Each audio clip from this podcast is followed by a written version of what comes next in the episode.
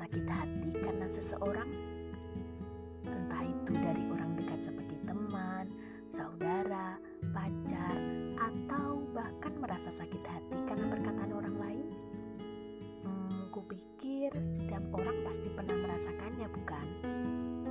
Ya, setiap orang mungkin pernah merasakan sakit hati, tapi gak semua orang bisa memaafkan. Hanya sebagian orang-orang tertentu saja yang bisa melakukannya. Eh, eh, terus yang sebagian lagi gimana dong?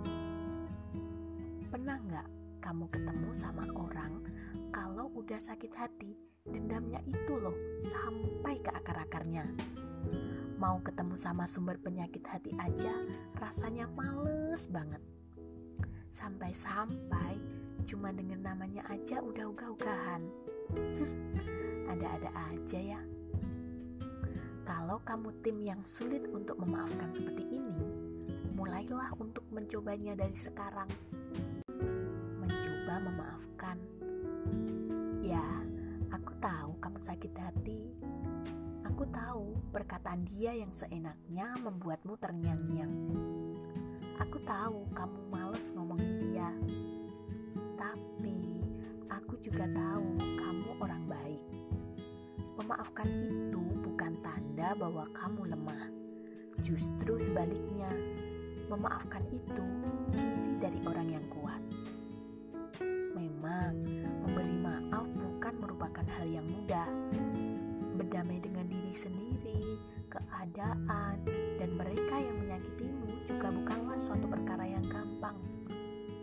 Namun, jangan menunggu waktu yang akan menyembuhkan sakit terus-terusan dendam, siapa juga yang terus-terusan sakit? Kamu sendiri bukan? Dia aja nggak pernah mikirin gimana perasaanmu. Masa kamu mau terus-terusan terjebak masa lalu menyakitkan dengannya? Ah, sudahlah. Jangan membebani dirimu sendiri dengan dendam-dendam yang berkelanjutan.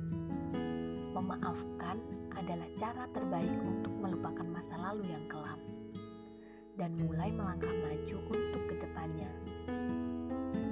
Pelan-pelan aja, dengan kamu memaafkan kesalahan dari orang yang pernah menyakitimu.